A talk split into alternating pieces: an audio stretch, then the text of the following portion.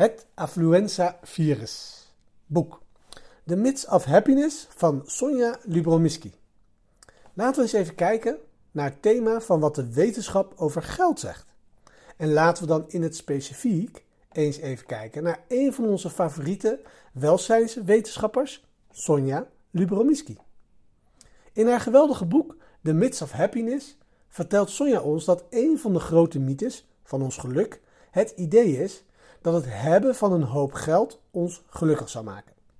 In feite zegt ze dat we het risico lopen het affluenza-virus op te lopen. Als we buitensporig de materialistische vervulling nastreven.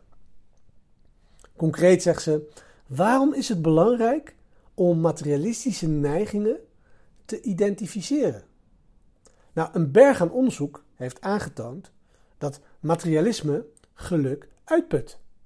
De tevredenheid met onze relaties bedreigt, het milieu schaadt, ons minder vriendelijk, sympathiek en empathisch maakt. En ervoor zorgt dat we minder geneigd zijn om anderen te helpen en bij te dragen aan onze gemeenschappen. Oké, je hebt hiermee onze aandacht, dokter Lebrominski.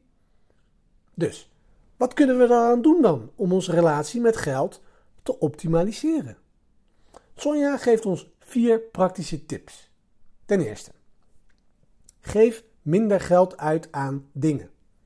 Je zult je hedonistisch daaraan aanpassen. En meer van je geld aan ervaringen en om onszelf te ontwikkelen als mensen, om te groeien en om te investeren in persoonlijke verbindingen. 2. Geef geld uit aan anderen, niet aan jezelf. Fascinerend onderzoek hier. Als je mensen 20 euro geeft en ze het aan zichzelf laat uitgeven, zullen ze minder gelukkig zijn dan wanneer ze het aan anderen uitgeven. 3. Geef geld uit om jezelf tijd te geven. Zoals we eerder hebben besproken, is tijdwelvaart een veel betere voorspeller dan geluk van financiële welvaart. Dus gebruik je geld om tijd voor jezelf te kopen om zinvolle dingen te doen. 4.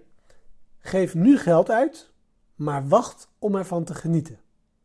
Er is veel geluk te vinden in de anticipatie van iets. Boek dus bijvoorbeeld een reis voor zes maanden vanaf nu. En kijk er dan de hele tijd naar uit. En geniet er dan van. 1 plus 2 plus 3 plus 4.